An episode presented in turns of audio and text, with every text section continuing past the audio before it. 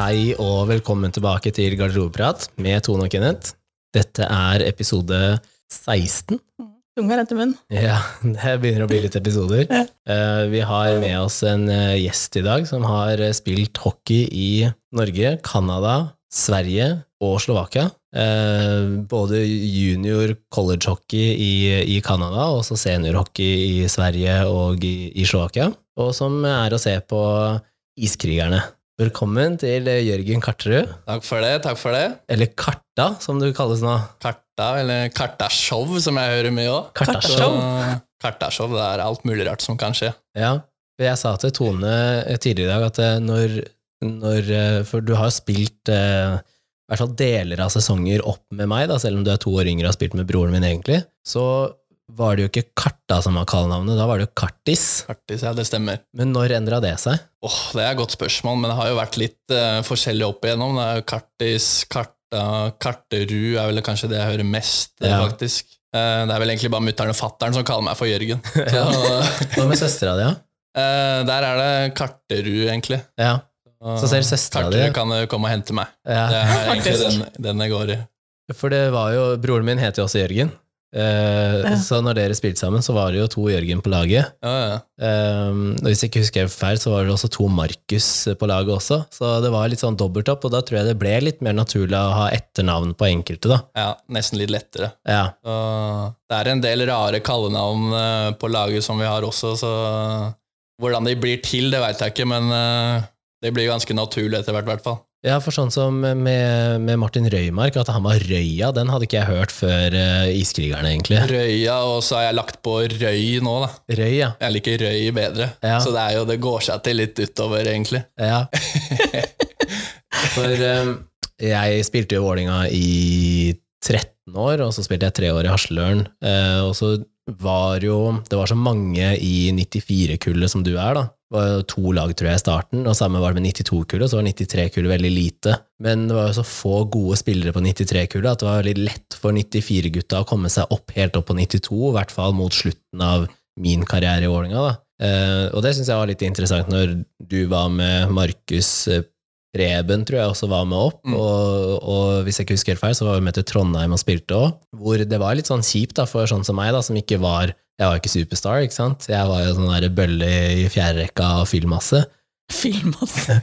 Og da skulle det være to år eldre da, og bli benka for at eh, disse unge gutta skulle komme opp og spille. Å, den svir.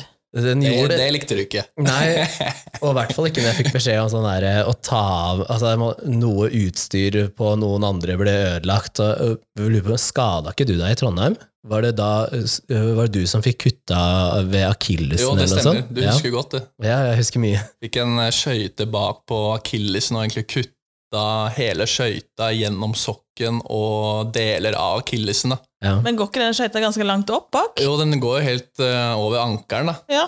Men den er åpna bak, ikke sant? så hvis skøyta noen andre Å, den kan kommer oppi nedi Ja. Oh, ja. Jeg kutta jo noen muskler og alt, Altså, så da Hva du husker, Kenneth, det er ikke verst. Det er ingenting jeg ikke Nei, husker. det, er, det er veldig skremmende, den Ja, det er det. Så Ellers så bare si jeg er litt sånn scarred. Da. At den tar med folk opp, og så blir jeg benka. Så blir det sånn faen, altså, jeg husker alt fra den eh, tida. Så nei, men eh, det jeg tenkte på da, var at eh, du har, vi har jo da spilt sammen, men når jeg ga meg, så Jeg har jo dømt i mange år, 17 år, og jeg har jo faktisk dømt Vålerenga også i, i Mm. Gateligaen, som det het da før Fjordkraftligaen. Og jeg føler jo at jeg kanskje slipper litt billigere unna. Jeg har spilt med deg, jeg har spilt med Jonas Oppøyen og Kjetil Martinsen og en del andre gutter i toppserien nå. Mm. Jeg tror at det, fordi man har en historie, så kanskje man slipper litt billigere unna, da. Jo, jo, det tror jeg også. Det er jo litt sånn for oss spillere også, så har nok vi mm, litt mer respekt for eh, dommere som vi vet har spilt tidligere, da. Ja. Og som har en helt annen spilleforståelse kontra en dommer som egentlig bare har lært seg regelboka. Ja. Um, Så har jo vi en mye bedre dialog, og du veit at det kan koke over iblant, og Ja. kanskje lar den derre første Når jeg blir forbanna eller banner eller Ja. eh, hater deg, da, så lar du det gå. Eh, Så man har nok en litt annen respekt for at du har spilt på et ganske bra nivå, da, kontra en dommer som uh, Ga seg når å lese. liksom. Ja. Ja, og det er også, hvis du liksom ga deg tidlig, og, eller om du altså, var syv-åtte år når du var slutta å spille hockey, og så ble du dommer, og så mister du For jeg, vil, jeg tør jo innrømme at eh, jeg hadde ikke noe god spilleforståelse før jeg nesten bikka 15-16. Mm. Eh, og det er nok mange som også var i, i, den, eh, i den båten, da. Men når jeg nå, og fordi at jeg spilte jo den type hockey som jeg spilte, jeg var langt unna der hvor du var, fordi du er en mye mer teknisk hockeyspiller enn det jeg var. Så jeg var jo sånn som i den episoden Du var en episoden liten tøffing, du. Du er litt tøffere enn meg, så nå har, jo, nå har jo du Nå har du vist på TV at du faktisk har slåss. Det kan godt ut av det klippet der. Det er, det er ikke så ofte det skjer. Uppercut og greier. Jeg slåss kanskje ja, Det er maks én gang i året. Ja. Uh, og nå vant jeg også, så det var viktig at det ble tatt med på Iskrigeren. Ja. Jeg, kom, Jeg vet ikke om jeg kommer godt ut av det, men uh, blant gutta så ser jeg i hvert fall litt tøff ut. da Måtte Selv om jeg egentlig ikke er så tøff. Fikk du noe utestengelse da? Uh, to kampers utestengelse, ja. Det er, to, det, er så, det er to kamper, altså, for å slåss. Men hvorfor går det så langt at dere ender opp med å slåss? Gardiner Ja, det, det er jo fort gjort at, at begeret renner over, som man sier. Men eh, eh, den slåsskampen som jeg hadde, var vel egentlig at eh, jeg hadde vært uh, ekstremt dårlig. Og så var jeg forbanna på meg sjæl, og så måtte jeg la det gå utover en annen.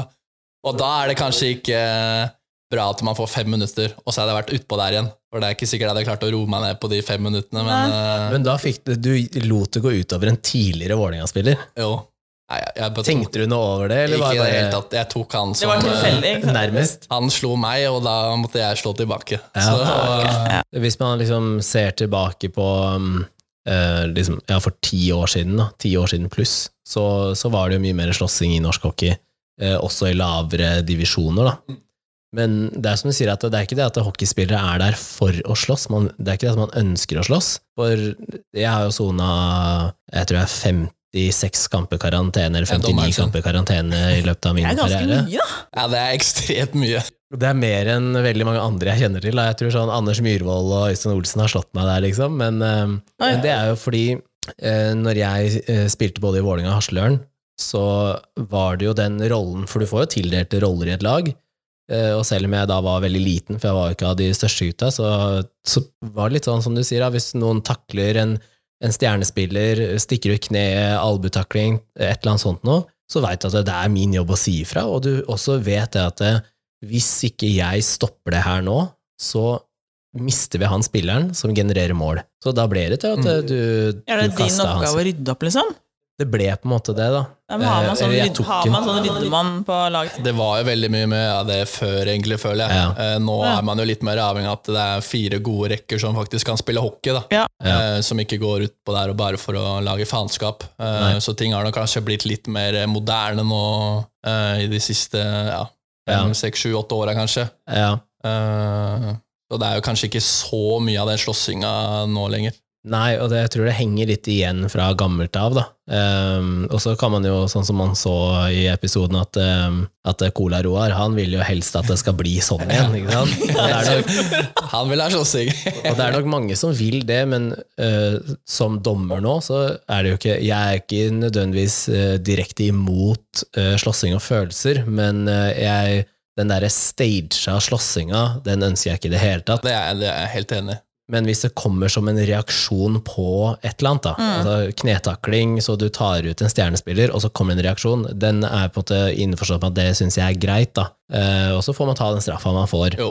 Og, um, og min siste hockeykamp, den eh, endte jo eh, Nest siste hockeykamp, den endte jo i en uh, slåsskamp i Halden, og den ligger på YouTube. Det er liksom det eneste av meg som du kan finne så hockeymessig. Det er den ene slåsskampen. Så, um, men det jeg reagerte på, var at du fikk da to kamper, men du hadde hanskene på hele tiden. Mm. Og før i tida så, eh, så var det mye mer naturlig å kaste hanskene. Og da kunne du få én eller to kamper. Altså Hvis du virkelig overkjørte noen, skulle Ja, du få flere. slåss er slåss. Ja, men nå så er, slåss det har blitt justert, skjønner du.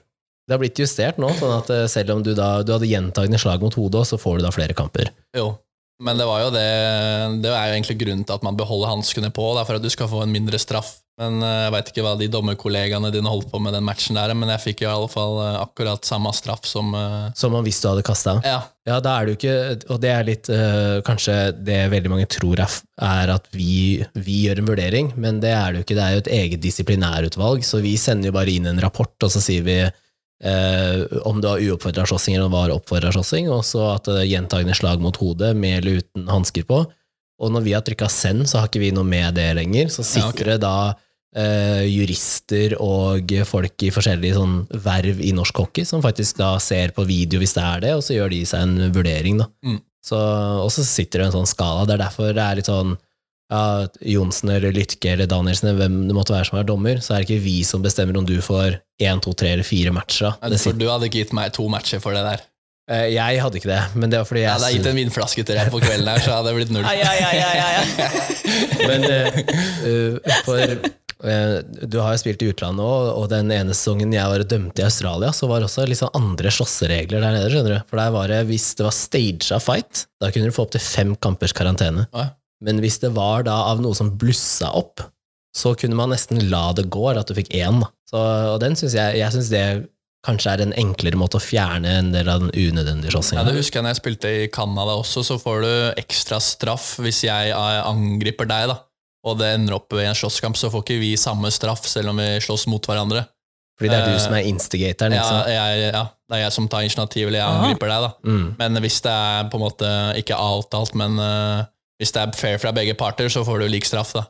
Okay. Så det er jo noen regler på den slåssinga her også. Det er ikke bare å, å dælje løs. Du må Men hvordan endte du opp i Canada? Fordi du spilte i OHL, som er den største college-ligaen i Nord-Amerika. mm. Hvordan endte du opp der? Eh, grunnen til det var vel at jeg var ferdig med tre år på Vang, eh, og sleit litt med spilletid på A-laget, og følte jeg sto litt sånn på stedet hvil, egentlig. Eh, og så hadde man jo en agent som jobba litt rundt eh, i Europa og, og i Canada, da. Mm. Eh, og så sa han at uh, for det lag var interessert eh, til å få meg over, eh, og det var jo absolutt veldig interessant. Det er Ja. jo en knallbra juniorliga hvor eh, det er, hockeyen er jo absolutt det største i hele Canada. Ehm, så det var jo egentlig ja, interessant å hoppe på det, og egentlig ikke angra noe i det hele tatt. Det er kanskje den kuleste hockeyopplevelsen jeg har hatt eh, når jeg tenker på karrieren min. Hvor mye tilskuere var det der, da? Da var det fullt hver match, og det var vel uh,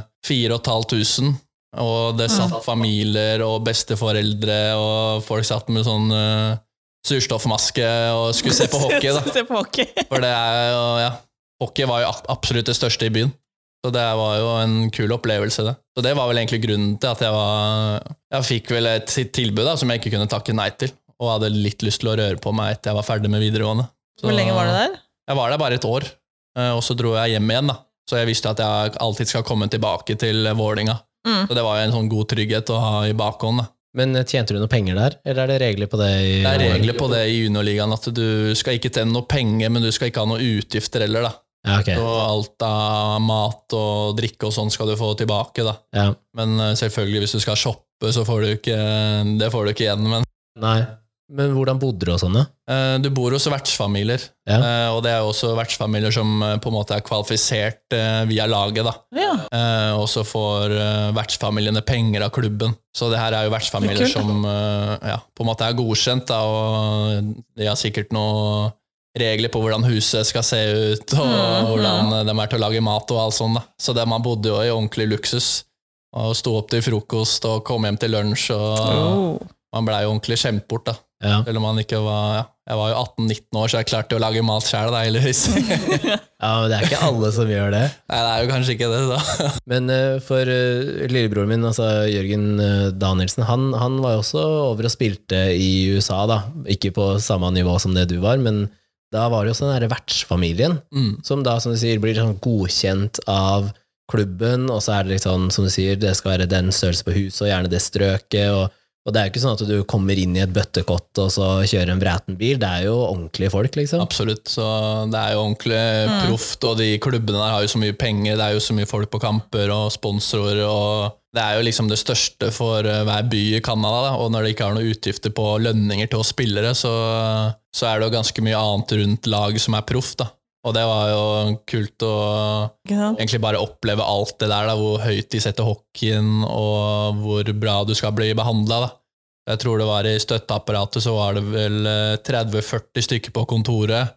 Eh, og det var jo massører og fysioterapeuter og en egen kar som lagde proteinshake til deg etter trening, og det var liksom eh, var helt luksus. da. Ja. Og det er jo kult å tenke tilbake på nå, at du liksom har fått oppleve på en måte litt sånn mini-NHL. Ja. Selv om man eh, ikke var i nærheten av det, så har man jo spilt på ja, i en av de beste juniorligaene i verden og fått spille med spillere som har gått rett til NHL da, og vunnet Stanley Cup og det største som du kan vinne der. Mm. Så det er jo kult å ha spilt med noen av de beste gutta også. Ja.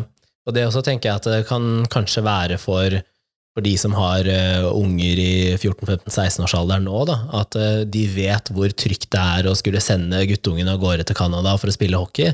Mm. At uh, det er ikke sånn at du sender han over dit, og så kan han gjøre hva faen han vil og bare fylle og fanteri og sånn.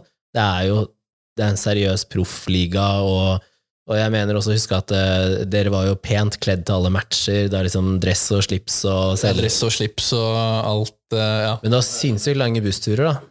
Lange bussturer, og det er ikke noe fly, eh, så vi hadde alltid med dressen eh, og skifta på bussen. Da. Ja. Men da kunne vi ofte dra en onsdag, og så er det på en eh, roadtrip, da, og så spiller du torsdag, fredag, lørdag, eh, og så drar du hjem søndag og hjemme mandag kveld. Da. Ja. Eh, så du er jo brått borte i fem-seks dager, og så spiller du hjemme uka etter. Da. Ja. Så det var jo på road, roadtrips og fikk jo oppleve egentlig hele Canada og et par lag i USA. Da. Får vi se litt da? Ja, så det er jo, det er jo masse kule historier og opplevelser uh, som man har fått uh, oppleve. Da. Jeg husker godt uh, vi ble invitert over i et fengsel i USA, for da hadde de fangene en sånn årlig et årlig event der med hockeylaget. Så da hadde de faktisk en hockeybane i, um, i bak, bakgården i fengselet der. Og da var det de fangene som hadde oppført seg best, da, som fikk lov til å spille hockey. Oh, ja. Eh, Så når vi kom inn i et, Du kan jo liksom tenke deg et fengsel ja, i USA, ja, ja, og det er ganske heavy, da, selv om den på en måte har oppført seg. Ja.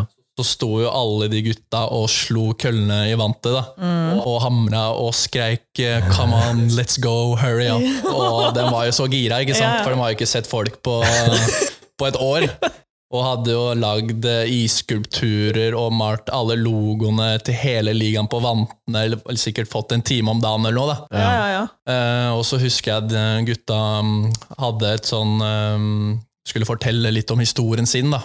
Og da satt vi Da tror det var 200 fanger rett foran oss. Vi satt på første rad, selvfølgelig med ansiktet mot dem. Eh, jeg tror vi var seks-syv stykk, og da sitter du jo i grupperinger. Da. Det var liksom ja, det var sikkert noen nazister, og så var det de mørke der, og så var det forskjellige grupperinger sånn, da. Eh, og så fikk vi noen sånne cookies, og da lo jo alle, da.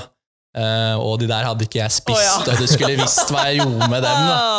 Eh, og så kom det opp en kar og nesten var på gråten, eh, og så dro han fram et svært, svært eh, maleri da, som han hadde jobba på et år, eh, og malt jeg tror det var en time om dagen, eller hva det var. da. Eh, og da hadde han fått et sånt kampprogram, så han hadde ett bilde da, som han eh, malte ut ifra. Eh, og da så han at det var meg da, på det kampprogrammet, da. og så drev vi og sammenligna om det, om det ligna. Ja. Så han, da fikk jeg jo det store maleriet, da. så han uh, syntes jo det var skikkelig Åh. kult. da. ja, det kan jeg se for meg. Eh, så det var en ganske ekstrem opplevelse, det. da, Å liksom få lov til å være i et fengsel i USA og, Skjønner jeg. og på innsiden. da. Mm. Men når du hadde vært i, i Canada og spilt der, så kom du hjem igjen til Norge, Mm. og så reiste du videre til Sverige først. Ja. Jeg var hjemme i to år, og så dro jeg eh, til Sverige. Ja. Og så var jeg der i tre år, og så et halvt år i Slovakia. Ja. Og så kom jeg hjem i, i jul i fjor, da. ja. Men hvordan vil du si at eh, garderobekulturen er, hvis du sammenligner som Norge, Canada, Sverige og Slovakia, hvordan vil du si at det er, er det forskjell, eller er det mye av det samme?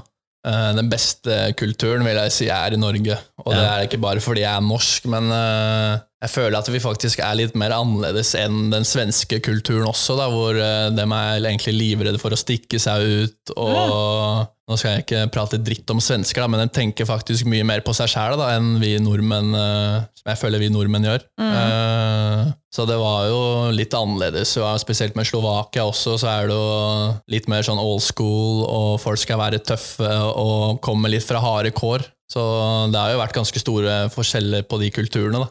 Ja. Så jeg er mest fornøyd med den norske, kan man si.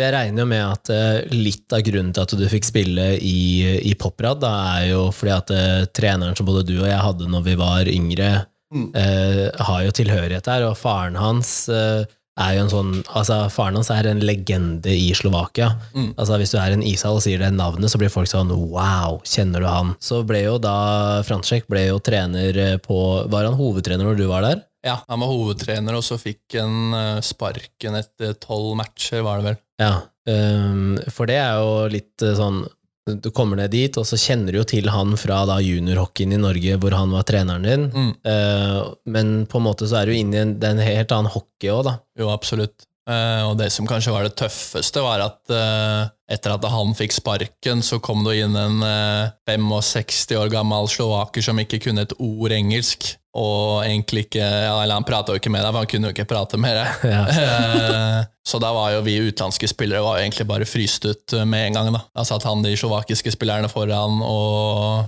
ja, så vi blei jo egentlig bare fryst ut. Så Ja. det var jo ja, det var jo kjedelig at han fikk sparken. Mm. Man hadde litt sånn kjennskap til eh, Han hadde kjennskap til meg, da jeg hadde kjennskap til han. Så. Men sånn er det. da Det er jo business og ferskvare, så hvis du ikke leverer, så er du ut. Ja. Og jeg var jo ut eh, til jul, jeg òg, så sånn er det iblant. Men hvordan bodde du der nede? Det var veldig bra. Da hadde vi fått et, eh, et nytt sånn leilighetskompleks som alle vi utenlandske spillere ble satt i. da. Ja. Så byen var jo faktisk ganske ålreit. Ja. Og så er de jo 20-30 år tilbake i tid på, på alt mulig rart. Jeg husker jeg tok en sånn bysykkel eh, hvor du skanner med telefonen. da.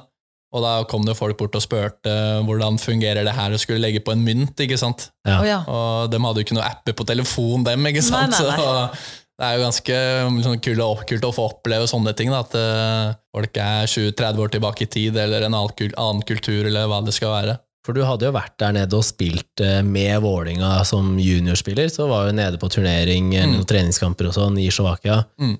Uh, og jeg kan jo se for meg at uh, det er jo da mange år tidligere, da. Og allerede da, så Altså, det er som man sier, altså, de der uh, østblokklanda henger langt tilbake. Ja, ja, ja. Eh, en av fordelene som er der nede, er jo at eh, ting er jævlig billig, da. Jo. Så jeg tror dyreste ølen eh, på restauranten var vel 15 kroner, da. Og da er du liksom på en Målsøl.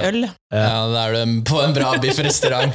Så når jeg satt på feira nyttårsaften aleine, så tror jeg satt eh, Da dro jeg litt bar til bar, da, men det ene stedet endte jeg på 10 gin tonic, og det var 350 kroner, da. Så, Jeg lurer på om jeg har sett noen bilder ja, fra, uh, fra at du var der nede. Jeg lurer på om du la ut uh, at du var på en terrasse og hadde noe champagne i glasset og var aleine og sånn? ja, jo, det stemmer, det. det var, da feira jeg jul aleine. Ja, stemmer det. Så man alene. eh, jeg blir jo vant til å være aleine når man har vært ute og spilt i utlandet. Ja. Men uh, det føler jeg kanskje er en av mine store sånne styrker, om du kan kalle det det. da. At jeg aldri har vært noe knytta til egentlig noe som helst. Eh, Og kunne pakka bagen eh, til helga og satt meg på et fly og egentlig trives godt med å være alene også. da. Ja. Så det er jo en god egenskap å ha det, hvis du blir sittende alene i Slovakia og ikke folk kan et ord engelsk. Så Det er Tinder der nede òg, er det ikke det? jo, det er Tinder, men uh, da må du bruke Google, hva? Google Translate. Google Translate, ja. Trenger å prate mye. Ja. Er det ikke bare å dra frem hockeydrakta Ja, og dem, vise hvem du er? De skjønner jo de samme Det er jo samme regla der òg. Ja, det er det. Men uh, hvordan var det med tilskuere sånn der nede? Var det mye folk der, eller? ja, hockeyen er jo det største i Slovakia også. Um, så vi hadde veldig bra på kampene våre, og så er det jo litt uh, forskjell fra lag til lag. da. Ja. Men uh, der er det også den gode, gamle hockeykulturen hvor du skal stå og drikke øl, og det er kalde ja, ja, ja. hockeyhaller, Ja. og folk skal stå og Mhm. spille trommer, og Så det var jo kult. Uh, Jeg liker jo litt den kulturen der, da. Ja. At folk drar og ja, skriker på dommeren og Ja. er misfornøyd med alt, da. Men det er, altså, er det så stor forskjell, da, fordi i Poprad hadde jo en relativt ny hall, eh, sammenligna med en del av de andre lagene, for jeg har vært og sett hockey der nede, og i den ene hallen, så hvis det snødde sidelengs, så kom det snø inn i hallen, og, og du kunne da velge mellom, du fikk enten en gul eller en hvit kopp når du var i kiosken, for det er ikke noen kiosk, ikke sant? Okay. Og da var forskjellen var om det var alkohol i den varme drikka eller ikke. Og folk drakk jo og drakk og drakk og drakk, ikke sant? Så, og da blir det jo god stemning, da. Jo, ja, absolutt. Eh, så det er en helt annen kultur der nede enn det det er i, i resten av Europa. Ja, det blir kasta øl på, og det er mynter Nei. som blir kasta ut på isen, og det er jo litt sånn baluba, da, men det er jo Skaper jo engasjement, engasjement og stemning, da. Ja, for det har jeg sett også at eh, i, i tysk hockey også, så er det jo supportergjengen der, og også litt grann i England nå, er jo eh, De er jo mentale, ikke sant. De er jo, står jo og klikker, og det er bluss innvendig, og det er jo slåssing, og det er ikke måte på. Mm. Så i Norge så er vi litt mer siviliserte, da. Ser at du er litt skeptisk her nå. Ja, jeg, Om du liksom- liker det eller ikke. Men det er i håndballen nå i, nedover i Europa, så Hva er det sa du? ja, håndball nedover i Europa, og så er det mye Det gærninger er på mye tribunen. sivilisert eh, publikum på håndballen. Nei, det er ikke. Men det er ikke så Det er ikke så gærent. Hun prøver å skal ha det frem til at hockey er ille, og Hockey håndball er er sånne bajaser, men engler. håndballen er litt sånn fisefine på ting. Men jeg har sagt det før, at uh, jeg har lagt merke til at uh, når vi var sånn rundt uh, la oss si 14 til eh, 20, da, så er det veldig ofte at eh, hockeygutter eh, dater håndballjenter. Mm. At den, den miksen der funker veldig bra. da. Jo, Og min teori har vært at det er fordi man har eh, samme syn på mengde trening. Man trener på de samme type tidene, og man eh, vet at man må ofre mye, da. Ehm, kontra kanskje andre idretter hvor man ikke trener like mye, da. Jo. Eh, vi var jo også på Vang, så var det hockey og håndball. Det er vel egentlig sånn gjenganger Mm. eh, på alle årskullene på Vang, at det med hockey og håndballen kommer godt overens. da. Mm. Så vi har nok ganske mye mer til felles enn man tror. Eh, og vant til den, det samholdet i garderoben og ja, som du sier, hverdagen med trening og alt det. da. Ja. Så det er en ganske god sånn kombo. Mm. Det var han Brede Cissar, fant, det- så fant seg jo Kurtovic, og Ja. jeg data faktisk en håndballspiller i seks måneder som man fikk se på det iskrigerne. som ikke skulle bli tatt med. Ja. så det er jo en bra match, tror jeg. ja, Martin var jo sammen med altså, Ylven var ja. jo sammen med Nora Mørke. ja. Og så er det mange andre som ikke er så profilerte, som også holder på. da, Hockey og Mm. håndball. Så ja. Det er mye bra håndballrumper og sånn, vet du. ja, vi er jo glad i litt trekk i låra, da. Så. og så det, det er jo en bra match. Ja. Tydeligvis. Jeg tenker at eh, nå vet vi jo litt om hvem du er og sånn, og eh, jeg, sånn som jeg kjenner hockeyspillere, eh, så er det jo ikke noe filter. Det er, eh, man snakker fra levra, og det kan gå en kule varmt og litt sånn. Det stemmer. Så er jo konseptet her at vi bare trekker et tema for episoden, Oi, oi, oi. og så prater vi om det. Så nå har du bollen foran deg. Det er ligger mye morsomme temaer oppi der. Eller eh, morsomt er kanskje å ta i, men uh, Nå er jeg spent på de temaene her. ja. Hva står det på den der, da? Fylleangst står det her, ja. Ja.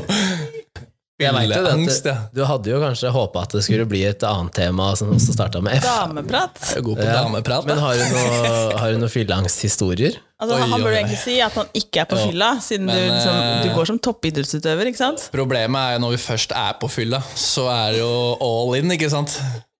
Det er jo, da må man ta igjen for alt det tapte. Oh, ja. For det er ikke noe særlig drikking i løpet av sesongen. Eh, en gang iblant, hvis vi spiller torsdag, lørdag og har fri en søndag, Mm. så, um, så er det lov. Mm. Men hvis du spiller tirsdagen, da, så er ikke det optimalt å være fyllesyk uh, en dag før match, liksom. Nei. Så det der må man jo egentlig ta litt på, ta litt på feelinga. Ja. Og vi er jo proffe, som du sier, så vi, um, ja, vi flykker på byen og er bajaser hver helg. Det går ikke. Nei. Selv om man leser om eks-hockeyspillere som gjør det, så eh, Noen klarer kanskje å, å kombinere det, men det er nok ikke optimalt for noen, uh, uansett hvor mye du fester eller ikke. Så, så må du jo være proff da, og ta, ta det seriøst. Mm. Så, men en gang iblant så er det godt å koble av da, og, og dra på puben etter en uh, seier og, og kose seg litt med gutta. Da. Ja, Det er jo bra for samholdet og, og bra for psyken iblant også, å koble av. Alle trenger det. alle trenger det. ja. Du skjønner at Tone er jo alkoholekspert. Eh, har jo jobba mange år i Vinmonopolet. Eh, og er, hun er min sånn hvis jeg, jeg, jeg skal, øh, skal på date ehm, Egentlig så bør jeg ikke hjelpe deg, for å si det sånn. Nei, så jeg Jeg skal jo da på date hvor øh, hun jenta vil øh, ha biff og vin og sånn, og så har hun Hvordan date er det her? Krever det på første date? Ja. Og da, da har jo jeg bare sagt at kan du finne en rødvin som jeg liker, så slipper jeg å styre med det, ikke sant? Mm. Um, og hvis det er champagne også, som er min favoritt, da, så vet hun akkurat hva jeg vil ha, vet hvilke druer jeg vil ha, vet absolutt alt, da. Oi. Så hun er Du liksom veit hvilken stemning man kommer i år? Ja, liksom, ja, eh, rett inn i Nå riktig dama mood. Nå blir jeg i den stemninga her. Så, så hvis, eh, hvis du trenger liksom en sånn eh, sommelier, som det heter, da, eh, som kan eh, veldig mye om forskjellig alkohol, så er det riktig vei å gå. Det er en dame å ha med i krigen. Mhm. Ja, Det er ikke alltid jeg hjelper til. Jo, jeg gjør det egentlig. ja du gjør Jeg har det. hjulpet deg ganske mye. Ja, selv hvis eh, sånn polet er stengt og får en sånn der eh, hoppe på-fest som du egentlig ikke var forberedt på, da er han ned i, i vinkjelleren og henter frem, og de flaskene er dyre, ass. Og det får du svi for etterpå. Hun går og bærer på dem som er babyen sin. Og så når du da spør og sier sånn 'Å, den her var dritgod', så får du beskjed om sånn 'Ja, den får ikke tak i noe mer'. Da sitter du med litt dårlig samvittighet etterpå. Men du har jo sett eh, vinkjelleren til eh, Jan Tore Kjær. Ja da, sett vinkjelleren hans, men på, jeg er på Insta, da. Ikke Den ser jo ganske vill ut. Ja, vi fikk jo Vi var jo der og bærte inn litt vin. Han hadde bestilt Dere måtte bære deg inn. Ja, han hadde bestilt seg en trailer med vin, da, så det kom jo to store paller. Ja, han hadde sikkert bestilt vin for 200 000, så det kom jo på iskrigerne, da, men jeg kan jo røpe at vi klarte å stjele Eller vi stjal en kasse vin, og så blei vi invitert på vinsmaking en uke seinere, da. Og da ga vi han en gave, men det var jo den stjålne kassa som vi hadde tatt uka før. Men han blei jo strålende fornøyd, han. Ja. Og det var jo favorittvinen hans, da. Ja, ikke sant? Selvfølgelig, for det var hans. Det sant? han som hadde bestilt den. Så Ja, man finner på litt sprell når man er med skjær. Fordi det inntrykket jeg har fått, da, sånn, uh, altså ikke iskrigeren, men det inntrykket jeg har fått av ishockeyspillere generelt, er at uh, fra typ august og frem til uh, april, så er det begrensa med hvor mye man drikker. Så som Mm. du sier, da, man drikker hvis man har fri den søndagen, eller etter match og litt Ja, sånn. en seier og har lyst til å koble av litt. Ja, men det inntrykket jeg også sitter med da, er at når det er sommerferie, da er det hæla i taket og tur til Marbella og Det er jo ikke en fyllefest hele sommeren, Nei. men det er jo klart, eh, hvis du blir invitert på en grilling en lørdag i juli, og så takker du jo ikke nei til det, ikke sant? Nei. Og ja, det skjer jo nå hver helg i juli, da, så Eh, ja, Men det er liksom ikke krise. Om Nei. du tar deg en fest en gang eller to i uka, Nei, nei, eller nei. en gang, i, ja, en gang her og der, så tror jeg ikke det skader deg i september. Jeg Nei. tror nok eh, det faktisk er bedre for deg hvis du sitter der i november og har fått litt uh, brakkesjuken og du ikke ser helt lyset i tunnelen. Da. Ja. Så kan Ja. du i hvert fall tenke tilbake på en grillfest med, grillfest med gutta på sommeren. Men hvordan er det med, liksom, siden at vi har eh, fylleangst som tema, du, du bor hjemme fortsatt, gjør du ikke det? Jo, Hvordan Hvordan er det da på, venter på en ny leilighet, da, så det er jo noen kabaler som må løses iblant. Hvordan er det da, for jeg regner med at det er jo ikke Du har hatt med deg jenter hjem til mor og far, liksom? jo, men jeg slutta vel egentlig med det når jeg var 18 år. Ja. Da, har, føl- Det er da følte jeg nå må jeg Nå er jeg voksen nok til å ikke drive og ta med dame hjem fra byen, i hvert fall. så hvis, men eh, hvis jeg endte opp med noe greier, da, jeg ender opp et annet sted, da? Våkner opp og ikke veit hvor du er og sånn? Våkner som regel opp eh, Jeg skal ikke si det som regel, men den Ja, de gangene, kan vi si. Ja, de, de få De få gangene. gangene det skjer, så er det jo enten på bortebane eller ja, Hvis man er aleine, da, eller om du er med noen av gutta ja, Ja, og et eller annet nachspiel, så sovner du jo brått et sted. Da. ja. Har du noen gang våkna og tenkt 'hva faen gjorde jeg i går'? Eller angra på den du har våkna ved siden av, kanskje? Egentlig ja, sånn veldig sjelden. Det er, kanskje du angrer på det når du kommer litt til deg sjæl, men uh, det er ikke sånn at jeg våkner opp og får panikk Nei. og 'hvem er du', og 'hva faen skjedde i går'? Uh, jeg husker som regel uh, faktisk det meste i løpet av en kveld, og det er jo kanskje en god egenskap å ha det òg. ja, Uansett hvor full man er, at man har hvert fall sånn halvveis kontroll på hvem som ligger ved siden av, eller hvordan du kom deg hjem, eller hva som skjedde i går. Og Men- noen er jo faktisk total blackout på det der, og det er jo nesten litt skummelt, det. da. Det er jo det. At uh, Hva faen gjorde jeg i går? Ja. Men er det noen av eh, lagkompisene dine nå som har en tendens til å kanskje skru av bryteren litt og ikke vite helt hva de gjør, og Ja, det er jo ikke alle som er like bra på den drikkinga, da. Og ja, det er jo den der uh, spriten da, som kan eh, ødelegge det meste for en iblant. ja. Mm. Uh, jeg drikker vel egentlig bare sprit, jeg er ikke så glad i øl og, Og Nei, drikker du bare sprit.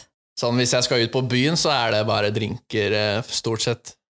Uh, og det er jo digg, det, da. Og så husker Ja. du ting etterpå, da. Ja, ja. Oh, det, er- det er ringer bra. gammel ringrev, ikke sant? Ja, Herda. Ja, det måtte bli pumpa antakeligvis, å driver med sprit. Ja, man venner seg jo til det òg. Jeg drikker jo vin og øl òg, men jeg klarer ikke å stå på byen og drikke ti øl. Da, Blir det dårlig? ja, da blir jeg mett sånn Ja, jeg oppblåst. ja. eh, Ja. Det er ikke da du har mest lyst til å dra på bortebane, som du sier, da. Da må du, ta deg en, du må ta deg en shot i baren, da. for jeg også har jo eh, Hvis jeg ikke drikker champagne, da, så, så er det liksom drinker som er mer min Ja. ting, da. Eller, eller søte ting. Da. Jeg kan, Sitter, sitter litt bedre, vet du. jeg kan, jeg kan drikke sider, for eksempel. Da. Ja, ja. Um, Ja, det er så Men eh, jeg har Dårlig fortalt fyll, deg om den uh, vodkaen som jeg drakk, norskprodusert vodka, som ikke har den der eh, ettersmaken eller den der vodka ja, for det er stor forskjell på det nå. Ja. Ja, Jeg husker den, når vi var eh, på sånn guida tur i Russland, så er det på hvert eh, stopp da, på, med den der sightseeingbussen, så fikk du en kald vodkashot. Ja. Og det er ganske Jeg syns ikke det er noe godt med en vodkashot, men eh, iskald og en russisk uten og sånne der brekningsmidler, Ja. hva det er for noe her i Ja. Norge, Mm. så går det jo Det gikk ned, det, altså. ja, for eh, jeg har fortalt at eh, den vodkaen som jeg drakk, eh, den fikk jeg teste med da blandevannet var Farris. Ja, ja. Ja. Du kjente ikke at du drakk vodka. Jeg, Jeg sa- drikker mye faktisk av den vodka Farrisen på sommeren. Skinny bitch, som man kaller det. Eller skinny beach. Ja. Det er jo Ja. ja. det er få kalorier, da. Så det er jo et sunt alternativ om du skal tenke på Nei, det, det hjelper ikke. to på natta der en gang. Jeg ville jo tenkt at du heller var mot den der eh, vodka Red Bullen-typ. Jeg er ikke så fan av den eh, Red Bullen. Men uh, den gule vodka Red Bullen, har du smakt den? Den er faktisk ganske fin. Det er bedre enn den uh, standard, vanlige blå Red Ja. Bullen. Ja. for det er jo litt sånn tropisk smak eller noe sånt. Ja, det er vel noe sånn pasjonsfrukt eller hva det er. Så den er faktisk ganske ålreit. Mm. Men uh, du blir jo får hjerteflimmer om du skal stå og drikke Ja, ja. vodka Red Bull hele kvelden. Så, Det er løsninga mi når jeg begynner å bli litt trøtt. skjønner du, sånn Ja, Kvart jo- over ett, så er det ok, ja, men vodka Red Bull, da. Fordi da får jeg i hvert fall Red Bullen, liksom. Jo, jo. Så det er jo litt sånn nødrakett, som man sier på Ja, svensk. Ja, når vi eh, skrev ned det For vi har fått tilsendt eh, forslag på temaer, Mm. eh, og når Fyllangs kom som et forslag, så Hvem er det som sendte det? Søstera mi, eller? eh, Ja, det tror jeg faktisk. Hun vil sikkert ha noen sånne historier som Ja, som enten så er søstera di, eller så er bestevenninna di, tror jeg. En av de to. Som da jeg tenker at kanskje vet noe om deg. Ja, det gjør de helt sikkert. Som Nei, de jeg har ikke skal- noe Jeg har Jeg skulle gjort litt, gjort litt research på deg, hadde jeg visst at det her var tema. Funnet noen ordentlige historier. Jeg har en liten historie fra helga, da. Ja. Jeg våkna og tenkte bare Shit, hva gjorde vi egentlig i går kveld? Vi er jo vanligvis en trio som drikker, da. Okay. Så greia er at vi møtes uh, typ en gang i måneden, Ja, prøver å få det til. Det er ikke alltid så lett, men en gang i måneden ish, da. og så har vi med tre flasker med champagne, og så sitter vi og drikker. Og prater skit. Men denne gangen så var jeg da på, på landslagssamling, og de valgte å da drikke uten meg. Og hvordan endte det opp? Det endte med at vi hadde nesten fått i oss alle de tre flaskene. Eh, og skulle da være hyggelig å facetime Kenneth. Ja. Eh, og han tok jo ikke Han svarte jo ikke. Men vi visste, vi visste jo at han var på, så vi bare liksom hallo. Det er liksom, Nå må du ta den her, liksom. Hva skjer da? Først så satt jeg på dass, da ville jeg ikke facetime. Og så var jeg ute og gikk meg en tur, da ville jeg heller Ikke ikke facetime. Og så gikk de lei, da. Altså bare, faen, du har vært furt for at vi skal drikke, og så når vi ringer deg for å være hyggelig, så vil du ikke prate med oss, liksom. Så jeg, nå, da ringer vi noen andre, få nummeret til faren din. Og så sendte jo han nummeret til faren sin. Det er det spanske nummeret til pappa, ikke sant? han bor jo i Spania fortsatt. Og vi tenkte bare, nei faen, shit, la vi ringer faren til Kenneth. Han vet jo ikke hvem vi er, da. Nei, Nei, jeg har ikke møtt den heller. Og så ringer vi, ja, men han tar den jo ikke, selvfølgelig. Altså, vi ringer på sånn FaceTime, så han tar den jo ikke. Men da hadde han jo googla mitt telefonnummer da, sånn for å sjekke hvem det var, og så ringte han jo tilbake igjen. Så vi, vi chatta med han dritlenge på FaceTime, og så sendte vi melding til Kenneth at vi har snakka om faren din. Fikk noen historier da. Ja. Det huska du ingenting av dagen Jo, etter? ja, jo, vi huska det hadde ringt, men vi fikk jo For da det kunne også vært en ganske bra sånn uh, fylleangstfølelse. Men Hvis, det står- hvis du søker opp nummer, så har du ringt uh, faren til Kenneth på. Ja. FaceTime, og så husker du at du kanskje sto og dansa litt i BH-en med venninna di. Vi kom ikke så langt. Så. Jeg vet ikke, når jeg våkna og fikk tilsendt snapper, så lå dere nå i hvert fall ved siden av hverandre i senga. Ja, så det gjorde vi. Men vi hadde Og har FaceTime av faren din. Og pappa hadde lagt det det på Facebook. Så Hver morgen så bare venneforespørsel. Og, og ja. Og så hadde hadde vi skrev egentlig en melding òg, at vi som hadde ringt inn, at vi var ikke meninga at det forstyrre hvis han hadde gått og lagt den. Det var jo seint, ikke sant. Men da hadde han svart på det. Det var så koselig å prate med oss, da. Og vi bare Faen, vi snakka med han, vi! ja. Og da litt sånn Oi, shit, hva prata vi om, liksom? Det kan jeg se for meg. Ja, for bare, så, så kom vi til konklusjonen etter hvert at vi hadde jo ikke vært noe krise. Dere hadde ikke gjort noe Vi hadde invitert oss ned til Marbella, så da tenkte vi at det hadde vi gjort en god deal. At vi i hvert fall var invitert dit. Ja. Ja, da, dit kunne vi komme. Det er ikke trygt vet å la disse damene drikke aleine. Det er i hvert fall eh, champagne også, da. Ja. Det går rett i fletta. da. Det Ja, er ja. jo Hver gang. Det er stort sett veldig morsomt. Ja, nei, for jeg også tenkte at når det fylleangsttemaet kom, så var det sånn Men fader, ass. Jeg tror ikke jeg har så sykt mange historier der. Fordi For det første så har jeg vært i en del lange forhold, da. Mm. Det er ikke, det er ikke Men du så kan stor fortsatt ha lange forhold og ha fylleangst. Ja, men da, det er veldig sjelden jeg angrer på ting, eller at jeg ikke husker ting. Da. Men uh, jeg har jo en episode fra faktisk da jeg bodde hos mamma, da, som er i samme gata der hvor Jørgen bor. Um, og det, da var det fordi at jeg var irritert, da. Jeg var nylig singel, og så hadde vært på byen med noen venner. Hvor venninna mi skulle da være med meg hjem, ikke for å ligge, men for å passe på at jeg ikke gjorde noe gærent med noen andre. Og så drev hun og flørta. Ja, så drev hun og flørta med en eller annen kar, da. Og så tenkte jeg, faen, nå ble jeg borte når utestedet stengte. Og så kommer venninna hennes bort til meg og sier, kan jeg være med deg hjem? Og så var jeg så sint, så jeg bare, ja. Og hun var sørpedritings, sånn ordentlig. Og det var jeg jo. Jeg var så full at eh, Så vi tok jo taxi hjem og måtte stoppe taxien ved Abelse for at hun skulle spy og sånn, ikke sant? Du skjønner nivået. Kommer og sjangler opp i fjerde etasjen der, og man ender opp med å, å gjøre sitt, da. Um, og når jeg da våkner dagen etterpå og ser det trynet der, da, så tenkte jeg bare Hva faen? Hvor jævla drita var du i går? altså, det, det så ikke ut i det hele tatt. Men Kenneth, da? Det er, det, og det driter jeg i. Det så ikke ut. Det ender opp med at jeg da uh, går ut i gangen, kler på meg, ringer en kompis, for jeg kjenner at jeg har fortsatt promille, så får jeg ikke kjørt deg hjem, liksom. Mm. Ringer en kompis og sier du må komme og kjøre hun her hjem nå. Han bare, jeg er der om ti minutter. Mm. Så åpner jeg bare døra, jeg ser ikke på engang. Du ble henta om ti minutter, stenger døra. Og jeg bare kjente faen, ass. Det her er ikke bra. Altså Heldigvis så var ikke mamma var ikke hjemme, og det var ingen andre som var hjemme, liksom. Man kjører jo hjem, den turen var så klein. Og så skulle hun flytte. Jeg husker fortsatt ikke hva hun heter. Eh, Det eneste jeg husker, er liksom Jeg husker deler av hva vi gjorde, eh, som jeg også liksom, ikke skammer meg over, men som jeg tenker at det kunne vært foruten. Og hvis noen der ute husker det her, så kan de jo ta kontakt med deg. Jeg har fått et par spørsmål. Da. Sånn, ja, Veit du om hun gikk på prevensjon, og veit du hvor hun fullførte, og hva om hun har kid nå? Liksom. Og så sa jeg sånn, jeg veit ikke hvem hun er, hun kunne stått ved siden av meg på butikken, jeg hadde ikke registrert det engang. Eh, Og det er kanskje den eneste ordentlig sånn fylleangsthistorien jeg har, da. At det, det, ja, det var ordentlig Ja. ekkelt. Jeg prøver å komme på noen sånne fylleangsthistorier, men det er jo kanskje mye av det man eh, har fortrengt. Det er ikke så lett å komme på så mye. Men eh, det kommer jo en eh, 17. mai eh, veldig eh, fort rundt hjørnet. Det er den klassiske eh, våkne opp eh, 18. mai eh, nede i byen, og så skal du kanskje ta en sånn sparksykkel, eh, en sånn Voi hjem da, 18. mai, og du er i dressen. Ja. Så får du en del eh, blikk eh, den turen på vei hjem. da, han, da. Ja. Da har du, ser du ganske ned i bakken, altså.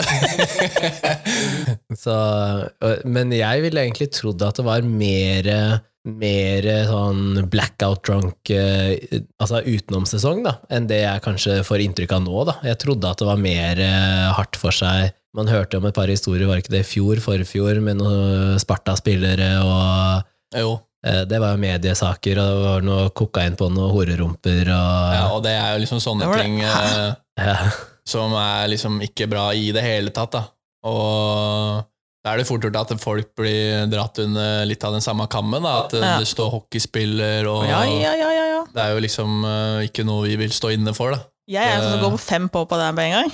Jo, du tar det jo alle under samme kam, og eh, det her var alle gutta, og så er det jo en eller annen tulling, da. Ja, Som har driti seg ut, Mm. og så må man jo samtidig se mennesket bak det her òg, at eh, folk gjør jo feil og driter seg ut, Ja. men eh, det er jo det når det er profilert da, og, og spiller hockey og folk uh, følger med, så ser ikke det bra ut i det hele tatt. Nei. Og jeg håper for guds skyld at dem hadde fylleangst og angrer og Ja. føler seg jævlig, da. Mm. Fordi det er jo i hvert fall vi som har lyst til å være proffe og, og se seriøse ut og tar oss en fest en gang iblant, så, så vil vi ikke at folk skal se på oss som noen tullinger, og der er de hockeygutta som Ja, er ute og fester igjen, Ja, liksom. ja, ja. Fordi det har vært en eller annen tulling nede i Sarpsborg som har driti seg ut eh, på en, ja, på en eller annen fest. Ja. Ja, og det er det jeg tenker òg, at eh, når eh, ja, Som du sier, da, hvis det er fri på søndag, da, og hvis man har vært i Stavanger for eksempel, da, og dømt, dømt lørdagskampen, da møter jo gutta ute på byen. Ja. Altså begge laga. Og én ting er jo da at man tar kanskje to, tre, fire øl, liksom, eller noen drinker, og så holder det seg for så vidt rolig, da. Men det er jo da når det kommer mediesaker, da, med liksom sånn eh, det som skjedde i Sarpsborg, eller sånn som eh, med eksprofiler som har med seg hockeykølla på byen, og det er slåsskamper, og, og så er det litt sånn, det er så uheldig at eh, de også er kjente, da, en del av de som på en måte har gått til helvete med. Mm. For hvis du ser på sånn som Sjampo eller eh, Morten Ask, da, som er liksom veldig ryddige, ordentlige typer, Jo, så du leser jo ikke om at de har gjort noe sånt. nei, det er jo det negative som kommer fram, da. Ja, Og selvfølgelig er det jo er det, det som blir skrevet om også. Og det ser du jo med Northug og, og alle andre som eh, driter seg ut også. Da. Det Ja. blir jo blussa opp. Ja, og ja, ja, ja. så må man jo ikke glemme liksom, at folk gjør jo feil, og det er jo et menneske bak der òg, da. Ja, for det har jo Men, sittet eh, folk i garderoben eh, eh, på gamle Jordal som, eh, som har tatt eh, ja, som jeg sa, har tatt eh, bachelor- og mastergrader og, og studert ved siden av å være proffhockeyspillere, da, Jo, og ender opp i veldig bra jobber, men det er ikke det man skriver om. Man skriver ikke om alle de som gjør det så bra og gjør det så liksom, sånn, sånn som Oppøyen, da, som nå har eh, to unger og liksom stabilt, ordentlig liv. og Og, driver eget regnskapsfirma og er Ja. liksom i rute. da. Ja, du, Og det er jo flere av dem enn uh, folk som eh, slåss og driter seg ut uh, ja. her og der, da. Så det er kanskje litt sånn der, i hvert fall den moderne hockeyspilleren har nok et litt ufortjent dårlig rykte, tror jeg, da. Uh, At i alle idretter og i alle grupper så finnes det noen utskudd, mens at majoriteten nå er nok mye mer ryddig enn en det var, da. Det er jo vi eksperter på, da er vi mennesker og har fordommer eh, mot andre folk. ja, ja. Og det er jo ikke bare hockeyspillere, det er jo ja, folk, ja, Hvis du hører noe om eh, han eller hun, så gjør du opp din egen mening før du egentlig faktisk eh, har sagt hei en gang. Da. Ja, det gjør det. Og ja, Det er jo litt dumt at det er sånn iblant òg, kanskje. Ja. Men tenker du at den, hvis du sitter i garderoben nå, er det mye røverhistorier? Eller, er det, eller har man justert det litt ned? Er det mye mer eh, seriøse ting? Nei, det er nok eh, mest useriøse ting, i, i hvert fall ting som blir tatt opp i plenum i en hockeygarderobe. Ja. Eh, men vi prater jo om alt fra aksjer til damer til ja, mm. mat, liksom. Alt mulig rart. Ja. Men at det er en sånn veldig seriøs dialog når det sitter 20 mann pumpa på testosteron og skal ut og trene, og det er gutta, guttastemning, liksom, så er det jo mest uh, kødding, da.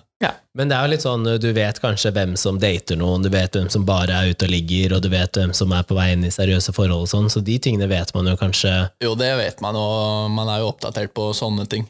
Uh, og så er det noe som deler mer enn andre, og folk kanskje deler noe fra helga, og andre har kanskje litt fylleangst og ikke deler noen ting. Da. Mhm. ja.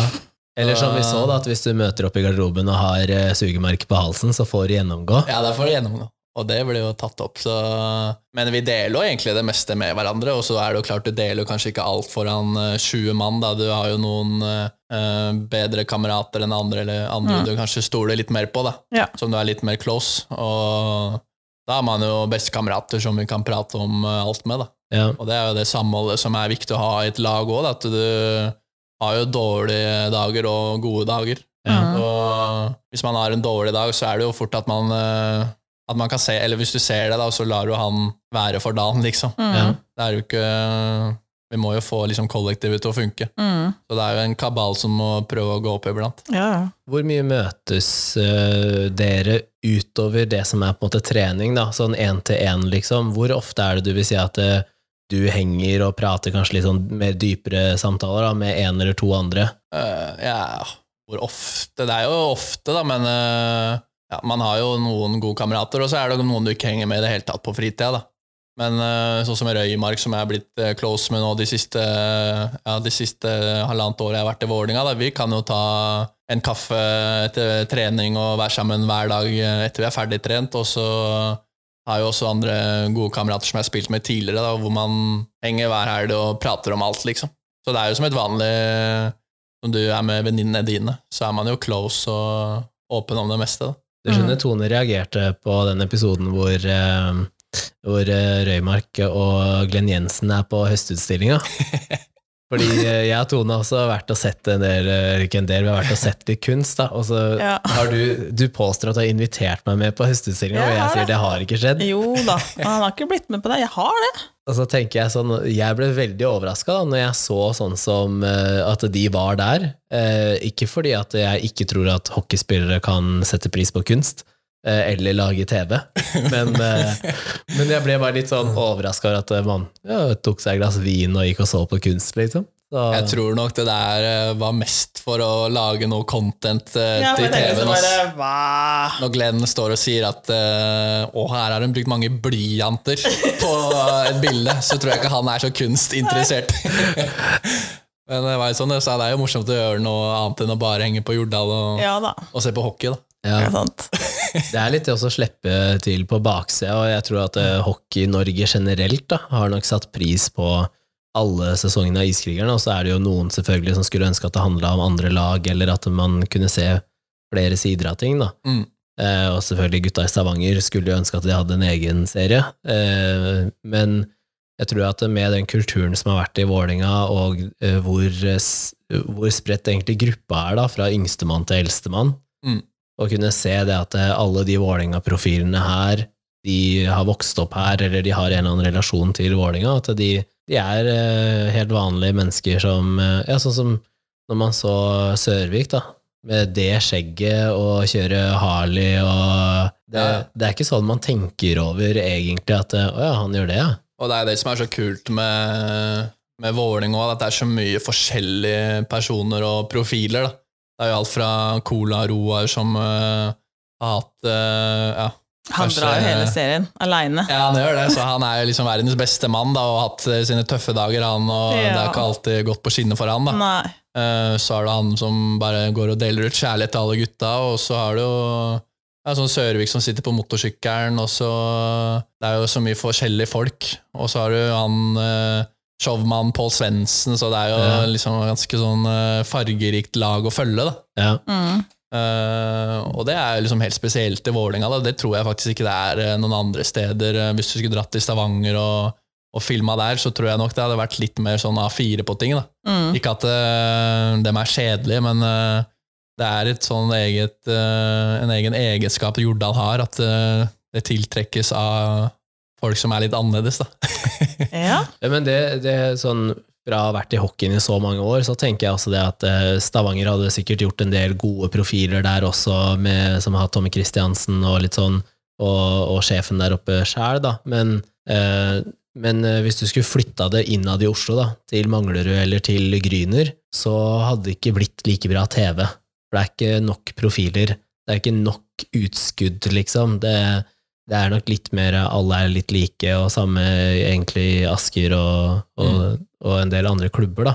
Og det tror jeg også med, Hvis du ser liksom på laget vårt, så tror jeg ikke det hadde blitt eh, Det hadde ikke vært sånn kjempespennende om vi bare skulle filma oss spillere. da. Det er liksom alle rundt på kontoret og støtteapparat og, Mm. og fans og ja. Så det er ikke sånn at vi spillere er sånn kjempeinteressant hele tida. Men det er den komboen av alle som er Alle som glad er i. Vålerenga.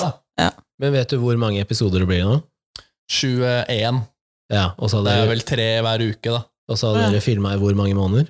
Eh, Vi begynte i august i fjor, Så de har jo filma i åtte måneders tid, da. Lenge. Eh, og så ble jo sesongen avlyst i Hva ble det? januar, mars, Mars, ja. cirka ble det eh, ja, endelig avslutta. Og da var det jo litt sånn panikk på, for de gutta på, som sitter på regi på Iskrigerne. Hva Mm. skal vi filme nå? Vi må jo ha tre-fire episoder til. da. Ja. Eh, Så da ble det at vi måtte bare finne på alt mulig rart utafor isen. da. Ja. Så vi har jo vært og hoppa i strikk eh, og gjort masse ting som vi aldri hadde gjort eh, til vanlig. da. Nei, nei.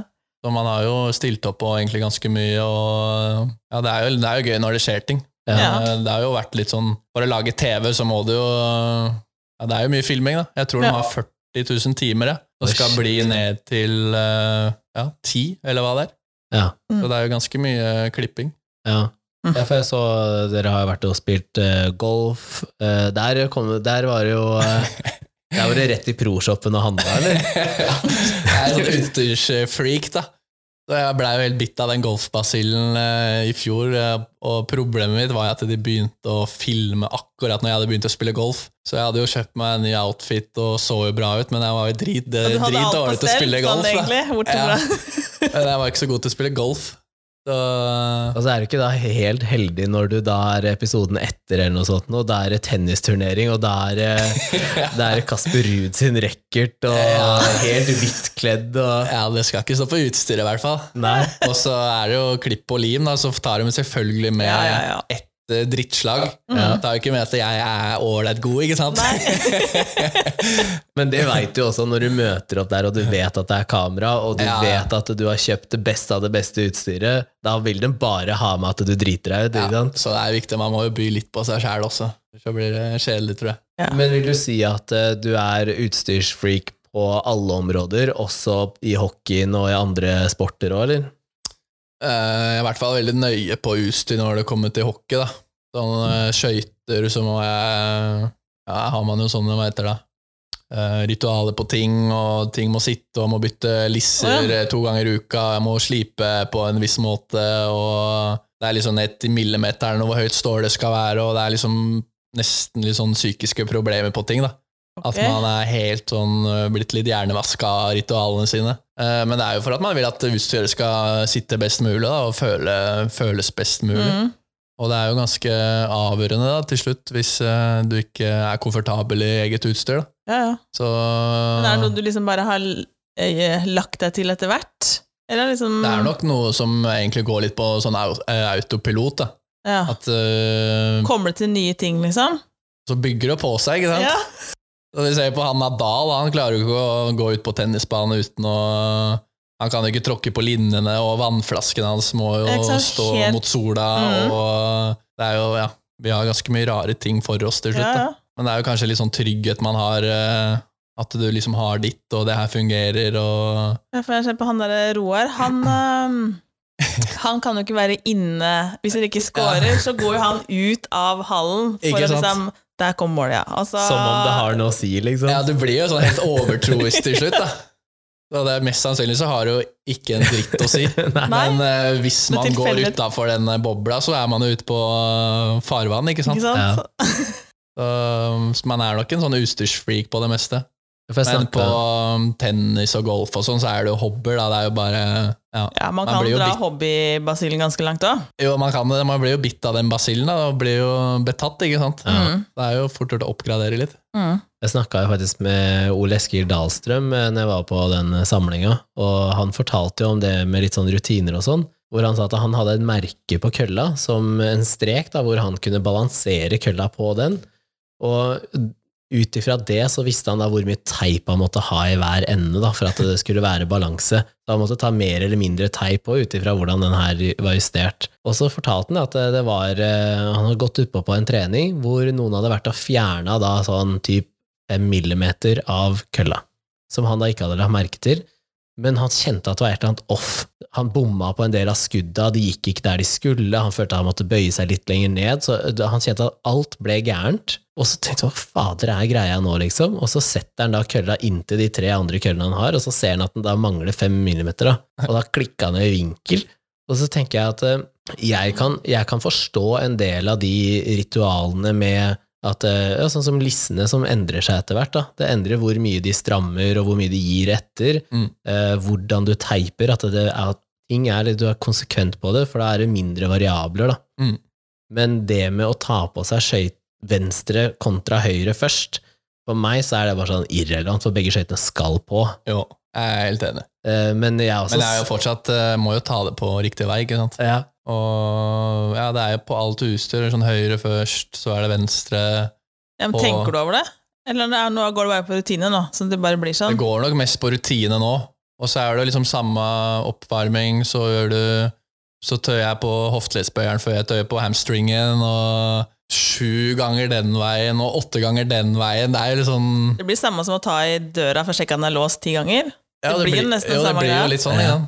Men har du hatt det som håndballspiller? At du må ta på venstreskoen før Nei, det har, det har ikke jeg tenkt over. Men at jeg jeg tror må nok man ha- har liksom mer enn man faktisk liksom tenker eller liksom tror òg, da. Ja, da, det kan at godt at jeg har gjort det ubevisst, men jeg har ikke tenkt at det har vært en greie, liksom. Ja. Jeg, har, jeg tror ikke jeg har hatt noe sånn der Jeg har ikke tatt på banen og sånn før jeg har gått inn, og jeg har ikke drevet med noe sånn touchy greie, liksom. Nei, for jeg tenkte på det nå når jeg driver og tar på meg dommerutstyret. Da. Det er jo en del mindre enn hockeyutstyr, men eh, jeg tar jo alltid på meg på venstresiden først. Mm. Jeg gjør det ikke bevisst, men jeg gjør Ja, det men det gjør, Da gjør du det sikkert det når du kler på deg alt annet òg, sånn som sokker og bukser og Det, da, det kan godt hende, men, eh, men, da, eh, men jeg ville jo da, hvis noen hadde sagt til meg nå tok du på høyre først, så ville ikke jeg kledd av meg, men det har jeg hørt historier om at hvis hvis oi, nå tok du på feil, liksom, så må de starte på nytt. Ja, og der er i hvert fall ikke jeg. Nei. Men eh, ja, folk blir jo helt eh, Du blir jo mm, psykisk gæren til slutt, nesten. du går i psykose. vet du. Så, ja, det er jo fordeler og ulemper da, med å være litt sånn smågæren på ting. Ja. Vi har dette ut av temaet her, altså, Danielsen, og jeg har ikke så mye å bidra med når det kommer til hockey. Derfor, nei, men vi, ja, det må bli mye hockeyprat. vi hadde ikke så mye Ja, fylleangsthistorier hadde heller. ikke det? Vi bare sitter og prater Og- og hockey. det- Ja, Derfor så ja, jeg har ikke noe å bidra med når det gjelder hockeyen. Derfor tenkte jeg det var det greit at vi sklei litt uh, ut av det òg. Jeg har tenkt å spørre deg om eh, hvordan endte du opp med hun der eh, frisøren, da? Eh, ja, har du sikkert sett dagens episode? Jeg har det. Ja, det var, jeg fikk jo sånn inside eh, stalltips av en annen singel kompis. da. Det var bra bortpå Storo der. Så var det ganske smidig med det bookingsystemet, at du bare kunne gå inn på nettet og, og se på bilder og booke, da. For da det var vel egentlig sånn jeg endte opp. Men, Men, eh, eh, jeg- det var ikke sånn at jeg satt og scrolla og tok eh, den søteste dama jeg tok første ledig tid, altså. Ja, du Ok, gjorde ok, det. ok, ok, ok. Men jeg så jo reaksjonen din når hun sa at hun skulle ringe deg om åtte uker. Ja, Ja, det, det var litt fornøyd da. Hun skulle ringe deg om åtte uker. jeg skal ringe, men ble ikke, ble ikke ringt. Nei. Får SMS. Får en sånn SMS av den roboten. Ja. Ja. Men jeg trodde kanskje jeg skulle få en sånn privat eh, Privat enn jeg, da. Du hadde Ah, ja. håpa på at det nappa der. Men hun, ja, hun napper jo litt, da. nei, nei, jeg skal ikke Hun har faktisk unge, jeg skal ikke ljuge på henne. Var det jeg tenkte jeg skulle høre om. Ble det noe der, eller, eller nei, men det som var litt morsomt, var jo at vi De hadde jo stengt ned hele salongen, og jeg var den eneste kunden der inne. Ja. Men det var jo fortsatt ingen av de frisørene som hadde gått hjem. Nei, Det var Nei. jo fem damer på jobb, ikke sant? ikke sant? Så da var jeg litt fornøyd med at vi kom med de TV-kameraene, tror jeg. Ja. Det hjelper det når vi ringer på forhånd og sier vi kommer med å ha med oss TV2, liksom. Så Det gjør jo det. Og det er jo sånn det fungerer, dessverre. ja. Dere er jo gærne, dere damer. Nei. Og jo da. Vi er jo ikke det. Men jeg syns det var veldig gøy da, altså, å se Og så eh, vet ikke hvor mye utover det som ble vist, da, eh, som har skjedd, men når du liksom Du har jo med deg Du har jo med deg Røymark på, på turen, og han også ser ut som han skjønner at det her det er litt småflørting og ja, det blir hun spiller jo sånn- litt med òg, men spiller hun med fordi at det er kamera der, eller spiller hun med fordi at eh, hun syns at du var litt sånn ok, jeg, tror ikke, jeg tror ikke hun spilte med. Når hun drar eh, fingra gjennom håret der og Da tror jeg hun var fornøyd. Det der kan ikke spilles. Nei. Det, det der var ekte. Det var ekte, ja. Med den der krøllekremen og full pakke, så Det, er, man, det blir jo litt ljuging òg, da. Man er ikke alt man sier som er sant. Det er ikke sånn at jeg har noen krøllekrem eh, som jeg bruker eh, tre-fire ganger i uka. Det var vel litt for å imponere Å, den, ja. tror jeg. Ok. Ja. Så, Krøllekrem. Ja, men jeg syns det er litt gøy at eh, man, man tar med da den episoden hvor du er da og klipper håret, men du har jo på deg caps for det meste. Jo, jeg tror jeg tok på meg den capsen idet jeg gikk ut derfra òg, jeg. Ja. Ja. Og ja, har vel egentlig stort sett på caps, så slipper jeg å fikse håret, da. ja. Og Ja, så det var ikke så løy med krøllekrem? Nei. Men det er jo greit hvis du skal ja, ut en sjelden gang på byen, da, så må du ha sveisen på plass. Ja. Så må jo se ut som folk. Men eh, en gang så røyka jeg på den hockeysveisen. Da dro vi ned på Grønland. Da hadde jeg tapt et veddemål. Da tok Det jeg jeg sett, kort faktisk. på sida, tre sånne st Ja, ja, ja, streker, ja, ja, ja. og så langt i nakken. Da, oh. da var det sånn, eh, hva er det man sier? da? Business in front og party in the back. In the back, ja? Men hvor lenge hadde du den sveisen ja. da? Jeg hadde jo til det vokste ut, da. Til det vokste ut? Og da, var jo, da husker jeg da var vi, fløy vi jo faktisk litt på byen, eh, litt mer enn vanlig. Eh, og det var jo den store stia til Heidis, om du husker det. Jeg har ikke vært så mye, jeg har vært på Nei, Heidis det var én gang. da Heidis åpna, og der var det jo, det var jo lange køer klokka ti. Ja. Ja. Eh, Da husker jeg vi skulle prøve det stedet her, da hadde bestilt en maxi-taxi ned dit. da. Eh, og selvfølgelig så ble jeg kasta ut av den taxien først foran en 200 meter lang kø. Og der står jo alle gutta og liksom skal skrike og peke og se på han der. Men da var det jo faktisk uh, Folk skulle bort og ta bilder, og ikke fordi man er noe profilert sånn sett, men fordi man ja, hadde en kul sveis. da. Sveisen, ja.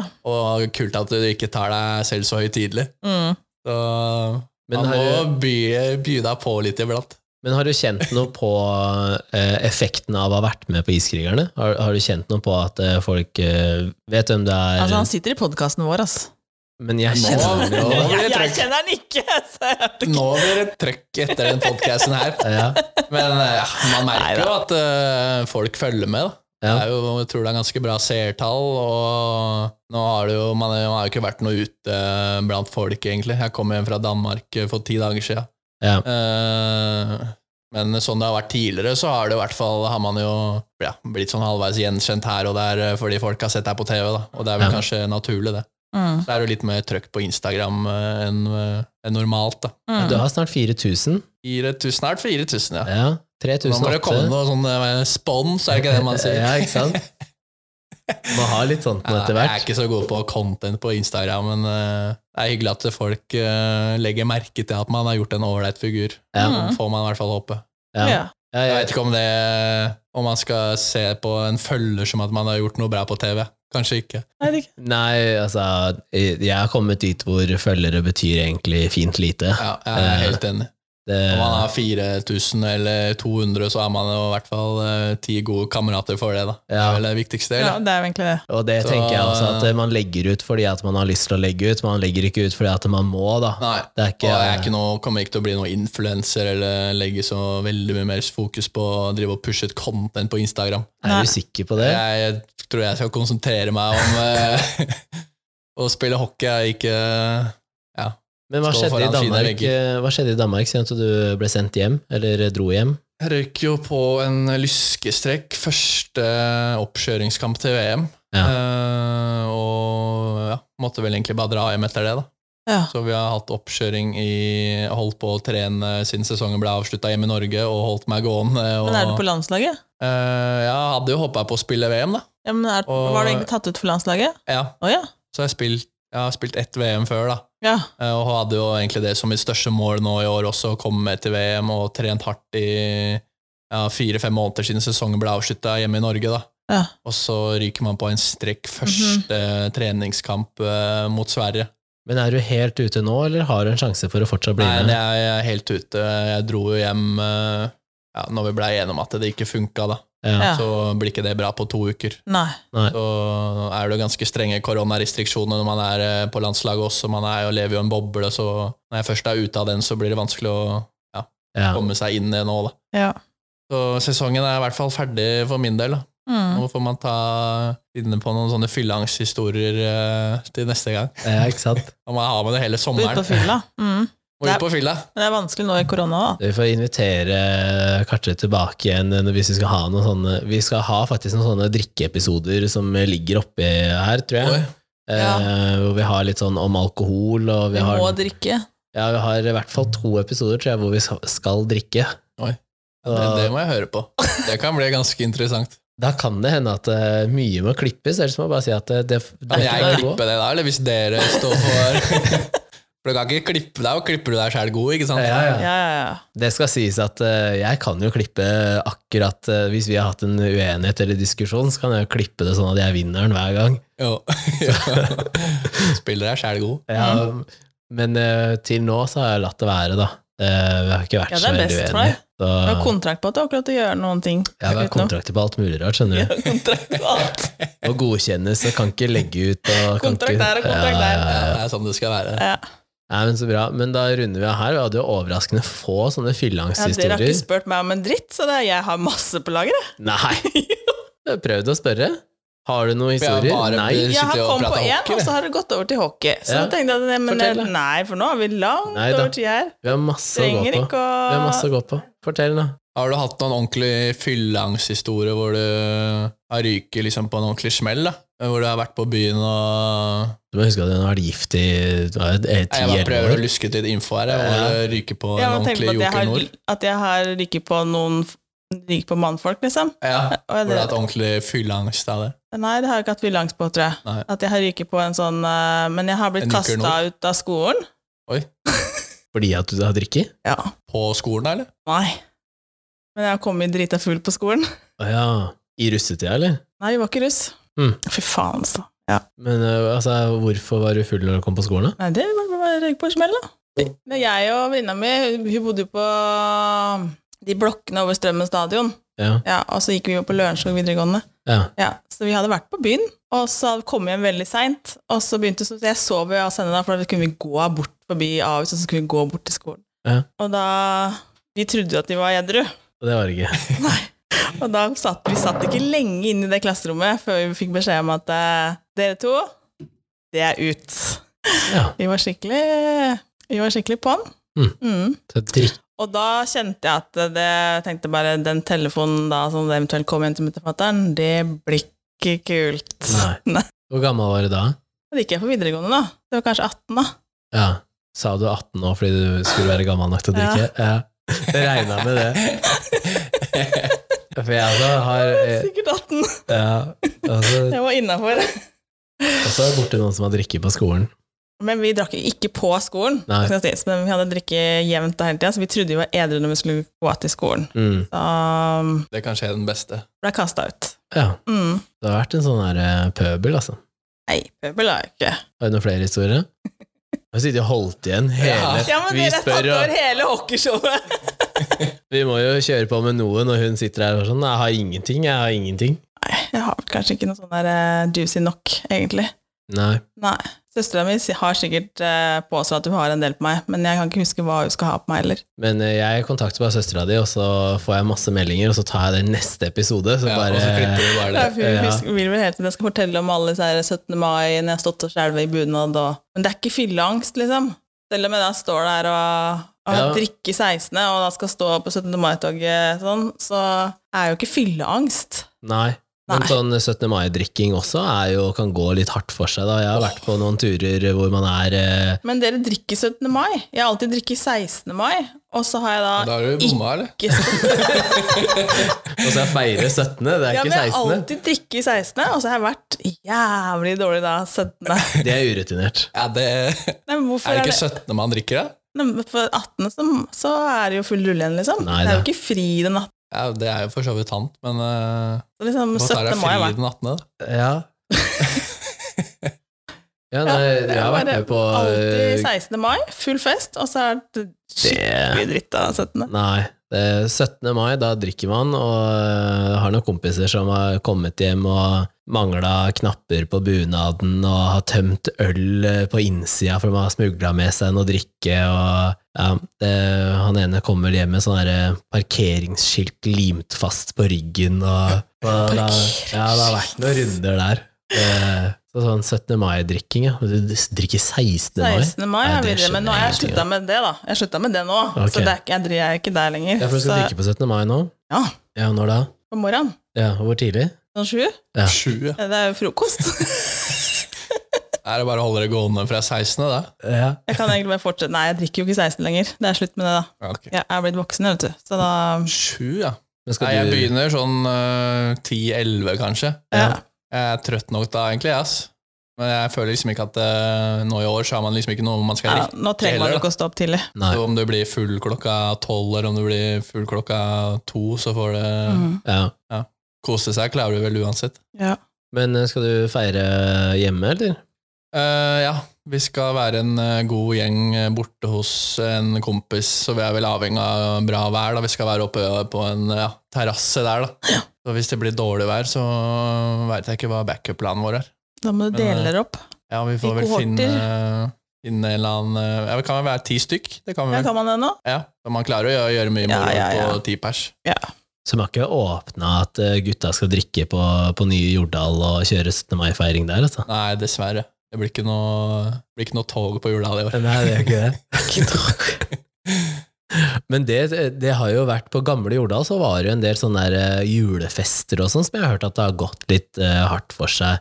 Jo, Uh, Juniorgutta har vært og drikke i, og Det er jo alltid de yngste som blir tatt opp uh, på A-laget, må gjøre noen sånne junioroppgaver, da. Ok. Og da er det jo alt Jeg tror det er damene har én shot med, junior, med ju- juniora, da. Du Damene, hvor kommer damene inn i bildet der? Damene til gutta. Og damene til gutta? Damene til okay. gutta, ja. Ja. Det må ja. forklare den. Og så, ja, hvis du kommer bort og vil ta en shot med en av juniora, da, så må jo han ta den, ikke sant. Okay. Det blir jo ganske mange det, oh, sånn, ja. i løpet av en kveld. Jeg tror det var ene året så lå vel han ene på, nesten på båre utafor, ferdigspilt. Ja. ja, for jeg har hørt at de festene der kan, eh, kan ta av litt. Jo, og så tar du ikke av med at folk blir pumpa hver gang. Det var nok bare fordi han ja, rett og slett var en junior, da. Men eh, ja, det blir, er jo fuktige kvelder, da, som Ja. alle andre julebord. Mm. Det er jo hæla i taket. Ja. Så, sånn er det. Men da har man også fri noen dager etterpå, da, så det er ikke rett på trening på morgenen. eh. Jeg husker ene året så hadde vi julebord på en lørdag, eh, fri søndag, og så hadde vi møte på mandag. Og det var jo den store tida til Espen hvor han egentlig blei forbanna og klikka på alt. da. Ja. Og da blei vi jo skjelt ut på mandagen fordi vi hadde drukket For det første hadde vi drukket for mye øl av han eh, kokken vår, da. Ok. eh, Som Vålerenga hadde spandert på oss. Og så var det for mye halv, eh, halvtomme flasker flasker som vi ikke hadde drukket opp, da. Og så så Problemet hadde var dere- at man ikke hadde hadde tømt flaska. Ja. Og det, vi hadde sløst, rett og slett. Så vi fikk jo en, eh, ble jo skjelt ut for det, da.